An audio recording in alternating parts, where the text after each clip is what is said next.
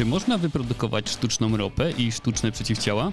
Dlaczego sztuczne światło szkodzi roślinom, a głód naszym mózgom? Między innymi o tym opowiem w dzisiejszym odcinku podcastu naukowo. Arkadiusz Polak, witajcie.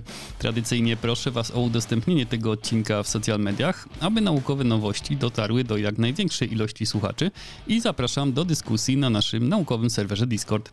Wszystkie linki znajdziecie w opisie tego odcinka podcaście naukowo często poruszam tematykę ekologii i wpływu różnej działalności człowieka na stan naszej planety. I zwykle są to informacje smutne, negatywne i pokazujące, że starania o odwrócenie szkodliwych procesów i przywrócenie równowagi ekologicznej są niewystarczające lub po prostu ich brak. Dziś spojrzymy na temat bardziej optymistycznie i przyjrzymy się rozwiązaniom proekologicznym, które mogą stać się niezłym biznesem, a przez to być w przyszłości szansą na zeroemisyjną energię. Temat dotyczy paliw płynnych, które stanowią nie tylko napęd naszych samochodów. To paliwo dla całej gospodarki. Produkty petrochemiczne są wykorzystywane do produkcji mnóstwa wyrobów, od tekstyliów po nawozy, co odpowiada za 12% światowego zapotrzebowania na ropę naftową. Poszukiwanie zamienników dla paliw płynnych ma długą tradycję i o ile samochody mogą być już napędzane przy użyciu prądu, to trudno sobie wyobrazić samoloty czy statki napędzane za pomocą energii zgromadzonej w bateriach. Także biopaliwa pochodzące z upraw kukurydzy lub trzciny cukrowej nie stanowią alternatywy. Ze względu na rosnącą presję na produkcję żywności, raczej niemożliwe jest zwiększanie obszarów upraw roślin z przeznaczeniem na paliwo zamiast na jedzenie. A gdyby tak wyprodukować sztuczną ropę? W 1925 roku niemieccy chemicy Franz Fischer i Hans Tropsch opracowali syngaz, czyli gaz syntetyczny. Tworzy się go z tlenku węgla i wodoru przy użyciu katalizatorów, takich jak kobalt lub żelazo, a cały proces wymaga wysokiej temperatury i ciśnienia, więc używa się do tego dużych reaktorów. Materiały do produkcji syntetycznego paliwa można znaleźć na wysypisku śmieci, wśród stałych odpadów komunalnych, w tym tekstyliów, drewna, papieru, resztek plastiku i materiałów używanych w różnych opakowaniach. Są one poddawane gazyfikacji, a uzyskany w ten sposób produkt jest następnie rafinowany na paliwo lotnicze. Syntetyczne paliwa węglowodorowe mogą stać się zatem rozwiązaniem dla zastosowań, których obecnie nie da się zelektryfikować, takich jak lotnictwo, żegluga i ciężkie maszyny. A ponieważ jest to paliwo syntetyczne, nie zawiera też siarki ani azotu. Co ważne, wyraźnie widać zainteresowanie wielu firm w przekształceniu tego procesu na produkt komercyjny.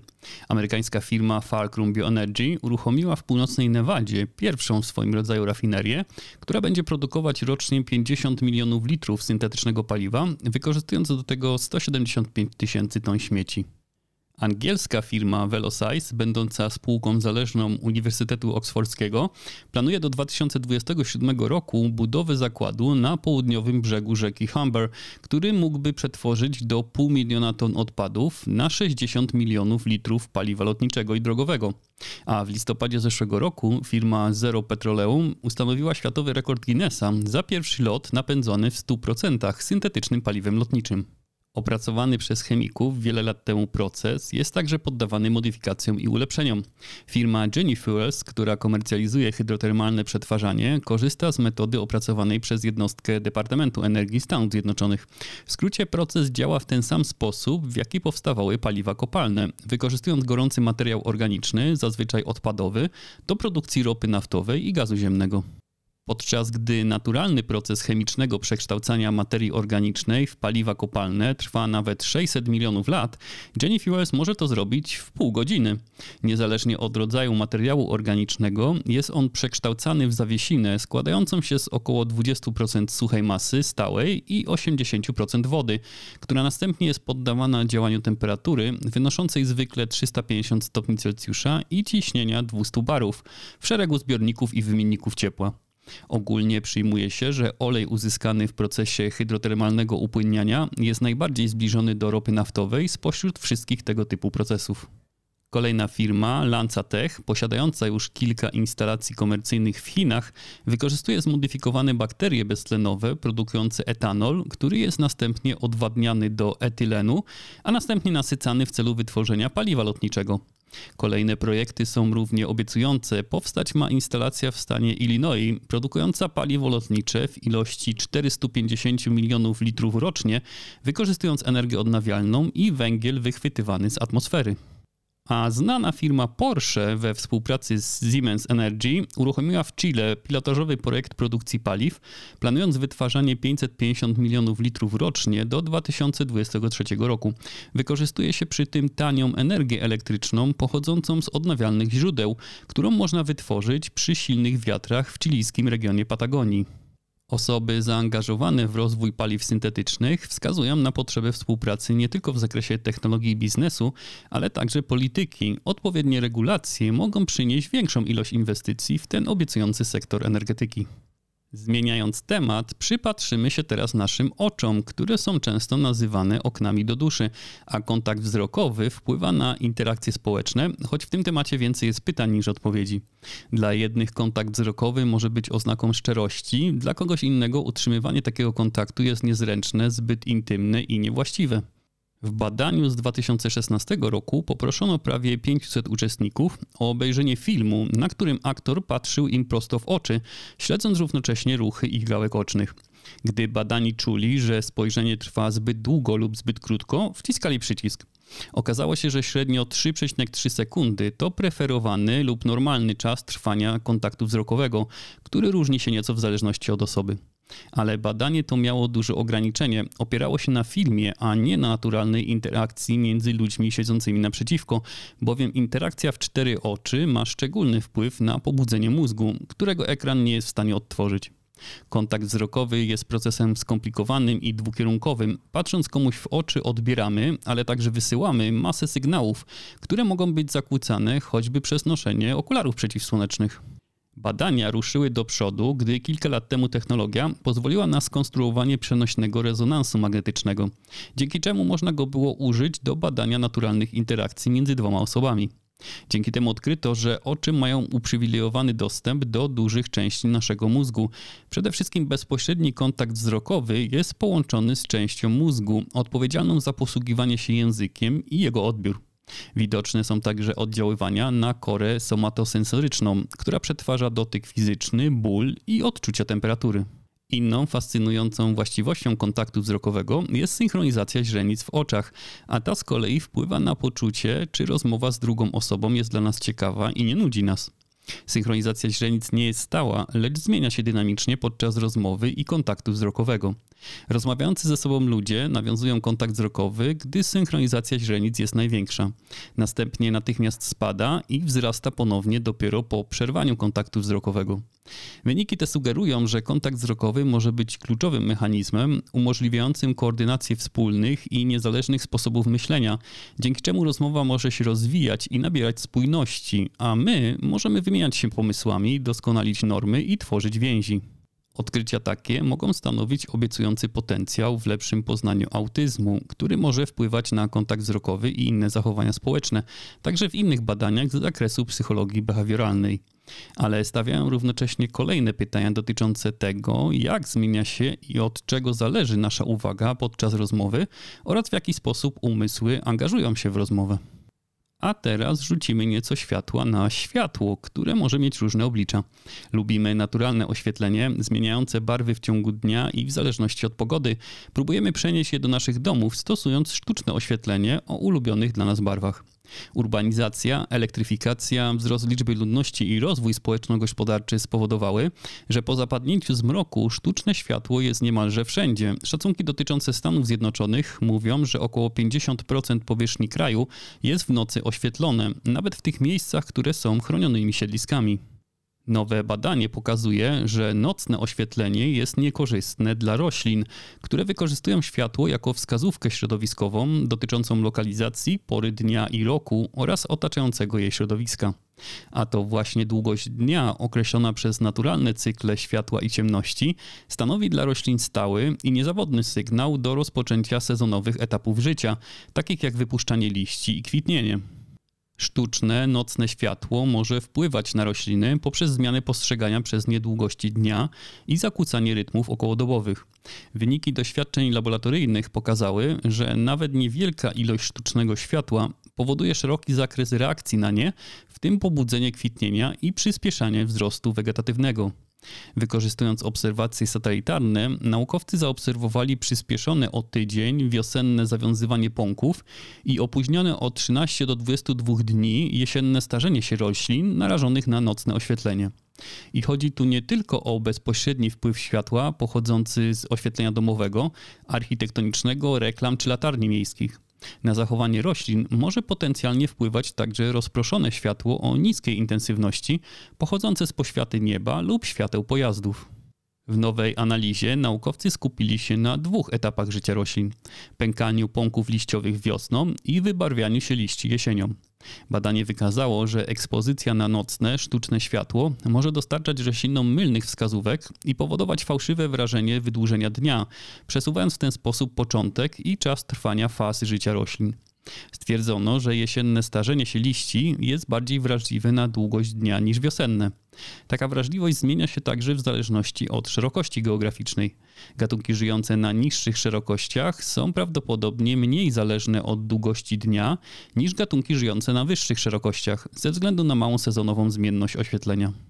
Badanie wskazuje, że konsekwencje tego procesu mogą odczuć bezpośrednio ludzie, bowiem rosnący poziom nocnego oświetlenia wraz z rosnącą temperaturą może stać się przyczyną wydłużenia sezonu wegetacyjnego na całym świecie, a to może zwiększyć ryzyko przymrozków dla roślin i spowodować niedopasowanie do czasu pojawienia się innych organizmów, np. zapylaczy. Zmiany w sezonie wegetacyjnym mogą również wpłynąć na czas trwania i nasilenie sezonu pylenia, bo wcześniejszy początek wiosny wydłuża sezon pylenia, podczas gdy późniejszy początek zwiększa stężenie pyłku ze względu na jednoczesne kwitnienie. Te zmiany w sezonie pylenia prawdopodobnie zwiększą ryzyko alergii pyłkowych u ludzi. Jednak zmiany w cyklach życia roślin, zwłaszcza w pobliżu lub na obszarach miejskich, mogą również zapewnić także korzyści ekosystemowe. Dłuższy okres wegetacyjny może przyczynić się do zwiększonego usuwania dwutlenku węgla z atmosfery, trwałego tworzenia chłodniejszych mikroklimatów, które mogą pomóc w łagodzeniu efektu miejskiej wyspy ciepła, a także zacienienia budynków i zmniejszenia obciążenia związanego z użyciem energii na chłodzenie. Dochodzić może także do spowolnienia odpływu wody deszczowej i poprawy jakości powietrza. Ponadto jeśli rośliny rolnicze są pod wpływem sztucznego oświetlenia w nocy, uprawy mogą mieć wyższą produktywność, zwłaszcza w miastach, gdzie rolnictwo jest powiązane ze środowiskiem zabudowanym. Stale rosnący poziom sztucznego, nocnego światła może mieć znaczące i dalekosiężne konsekwencje w postaci zakłócenia kluczowych funkcji ekosystemu i procesów ekologicznych, a to z kolei ma istotny wpływ na zdrowie i dobrostan ludzi. Temat ten wymaga interdyscyplinarnego podejścia ekologów, którzy muszą współpracować z urbanistami, inżynierami i architektami w celu wdrożenia polityki i praktyk uwzględniających wpływ sztucznego światła na rośliny i zwierzęta. O tym, jaki wpływ na mózg ma głód, powie nam kolejne badanie. Mimo, że mózg człowieka stanowi mniej niż 2% masy ciała, zużywa on około 20% całkowitej ilości spożywanych kalorii, z czego 50% energii zużywa kora mózgowa. Pobór energii nie jest stały, ale może się znacznie różnić w zależności od osoby, środowiska i czasu. Ale co dzieje się w mózgach ludzi, którzy cierpią na niedobór żywności? Czy ograniczają one swoje działanie i wyłączają jakieś funkcje, tak jak w laptopie, który pozbawiony zasilania z sieci ogranicza swoją wydajność, aby oszczędzić energię zgromadzoną w baterii? Biorąc pod uwagę, że mózg jest ograniczony energetycznie, jedna z hipotez głosi, że w czasach niedoboru pożywienia sieci neuronalne powinny oszczędzać energię poprzez ograniczenie przetwarzania informacji. Istnieją pewne dowody sugerujące, że tak właśnie jest u bezkręgowców. Na przykład u muszek owocowych pozbawienie pokarmu skutkuje wyłączeniem pamięci długotrwałej, a gdy badacze sztucznie zmusili ten proces do aktywacji i tworzenia wspomnień, głodujące muszki umierały znacznie szybciej, co sugeruje, że wyłączenie tego procesu oszczędzało energię i chroniło ich życie. U ludzi komórki mózgowe są uzależnione przede wszystkim od stałych dostaw glukozy, którą przekształcają w adenozynotrójfosforan, w skrócie ATP, który napędza mózg. Nasuwa się zatem pytanie, czy mózg może mieć swój własny rodzaj trybu niskiego poboru energii w sytuacjach awaryjnych, gdy dostawy energii są ograniczane lub brak ich w ogóle. W nowym badaniu naukowcy wykorzystali myszy i ich układ wzrokowy do zbadania w jaki sposób ograniczenie pożywienia wpływa na kodowanie informacji i zużycie energii w sieciach korowych mózgu. Odkryto, że kiedy myszy były pozbawione wystarczającej ilości pożywienia przez kilka tygodni, tak aby straciły 15 do 20% swojej typowej zdrowej wagi, neurony w korze wzrokowej zmniejszały ilość ATP zużywanego w synapsach aż o 29%. Takie ograniczenie w zużyciu energii miało swoje konsekwencje, bowiem upośledzało ono sposób, w jaki myszy postrzegały szczegóły świata. Ponieważ neurony pracujące w trybie niskiego poboru mocy mniej precyzyjnie przetwarzały sygnały wizualne, myszy z ograniczeniami ilości jedzenia gorzej radziły sobie z trudnym zadaniem wizualnym. Jeśli przy wykonywaniu jakiegoś zadania poczuliście głód, to wasza uwaga rozpraszała się, motywując do szybszego znalezienia czegoś do jedzenia.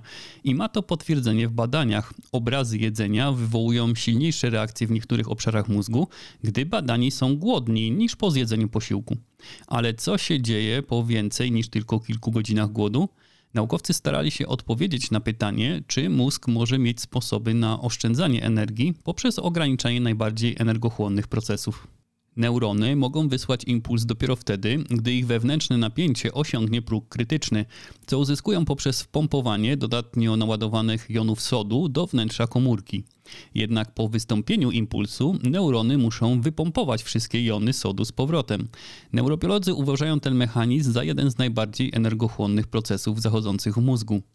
Neurony myszy pozbawionych pożywienia zmniejszyły natężenie prądu elektrycznego przepływającego przez ich błony oraz liczbę jonów sodu wchodzących do nich, dzięki czemu nie musiały poświęcić tyle energii na wypompowywanie jonów sodu z powrotem po aktywności ale każde działanie niesie za sobą jakiś koszt. W tym przypadku reakcje neuronów kory wzrokowej u myszy były mniej precyzyjne. Konsekwencją oszczędzania energii był obraz świata o nieco niższej rozdzielczości. Co więcej, wydaje się, że naukowcy znaleźli przełącznik uruchamiający ten proces. Jest nim leptyna, czyli hormon sytości, białko zmniejszające apetyt i uczucie głodu. Ponieważ leptyna jest uwalniana przez komórki tłuszczowe, naukowcy uważają, że jej obecność we krwi prawdopodobnie sygnalizuje mózgowi, że zwierzę znajduje się w środowisku, w którym jest pod dostatkiem jedzenia i nie ma potrzeby oszczędzania energii. Badanie sugeruje, że niski poziom leptyny alarmuje mózg o niedożywionym stanie organizmu, przełączając go w tryb niskiego poboru mocy. Wiemy zatem, że ssaki mogą włączyć mechanizm oszczędzania energii w neuronach kory wzrokowej, ale naukowcy podejrzewają, że mechanizm ten może w różnym stopniu występować również w innych obszarach kory mózgowej, a mózgi nadają priorytety funkcjom, które są najbardziej krytyczne dla przetrwania, dostosowując się na bieżąco. Pojawiają się zatem nowe pytania, będące obiektami przyszłych badań. Czy głód może powodować, że poszczególne osoby postrzegają świat w nieco inny sposób? Czy różne poziomy hormonów we krwi mogą mieć wpływ na percepcję wzrokową u ludzi? Jak takie procesy wpływają na zdolność do uczenia się i zapamiętywania? I w końcu, czy procesy zaobserwowane u myszy i innych zwierząt przenoszą się bezpośrednio na działanie mózgu człowieka? Tak jak na dziecko przenosi się dobroczynny wpływ mamy. Noworodki zaraz po urodzeniu są bowiem chronione przed bakteriami i wirusami nie przez własne składniki układu odpornościowego, a te, które przekazuje im matka. Dopiero z czasem nabywają własną odporność, zarówno dzięki ekspozycji na otaczające je patogeny, ale także wspierane przez liczne szczepionki. Zapobieganie śmierci i niepełnosprawności z powodu różnych chorób zakaźnych mogłoby być wzmocnione, gdyby medycyna była w stanie naśladować wzmocnione przeciwciała, które wytwarzają przyszłe matki, aby stworzyć nowe leki i ulepszone szczepionki. Nowe badanie dostarcza zaskakujących wyjaśnień na temat tego, jak te wczesne dni odporności zapewnianej przez matkę faktycznie działają. Przez wiele lat naukowcy uważali, że przeciwciała nie mogą dostać się do wnętrza komórek, ponieważ nie mają odpowiednich narzędzi, by to zrobić. W związku z tym terapie oparte na przeciwciałach były nieskuteczne w przypadku infekcji wywoływanych przez patogeny, które żyją wyłącznie wewnątrz komórek. Ale ciąża zmienia strukturę niektórych cukrów dołączonych do przeciwciał. Zmiana formy kwasu sialowego, czyli jednego z cukrów przyłączonych do przeciwciał, umożliwia immunoglobinie G, najbardziej rozpowszechnionemu rodzajowi przeciwciała w organizmie, pełnienie rozszerzonej roli ochronnej poprzez stymulowanie odporności za pośrednictwem receptorów reagujących na te zmiany. Proces jest skomplikowany, zmiany subtelne, ale naukowcom udało się ustalić, który enzym jest odpowiedzialny za tę zmianę. Dzięki temu wyprodukowano setki przeciwciał monoklonalnych, czyli takich, które potrafią precyzyjnie rozpoznawać określone typy komórek, ignorując wszystkie inne. Przeciwciała te mogą służyć jako potencjalne leki na różne schorzenia, w tym raka, astmę, stwardnienie rozsiane, a także trudne do pokonania infekcje bakteryjne i wirusowe, np. COVID-19. Co więcej, badanie to pokazuje, że ten molekularny przełącznik utrzymuje się u matek karmiących, dzięki czemu przeciwciała o zwiększonym zakresie ochronnym są również przekazywane dzieciom przez mleko matki. Pod jednym warunkiem, że przyszła mama otrzymała wszystkie dostępne szczepionki przeciwko infekcjom, które są szczególnie widoczne u kobiet w czasie ciąży lub u noworodków, ponieważ odporność musi istnieć w matce, aby mogła przenieść się na nowe życie a nowy odcinek podcastu naukowo usłyszycie już w najbliższą sobotę. Dziś dziękuję Wam za uwagę i do usłyszenia.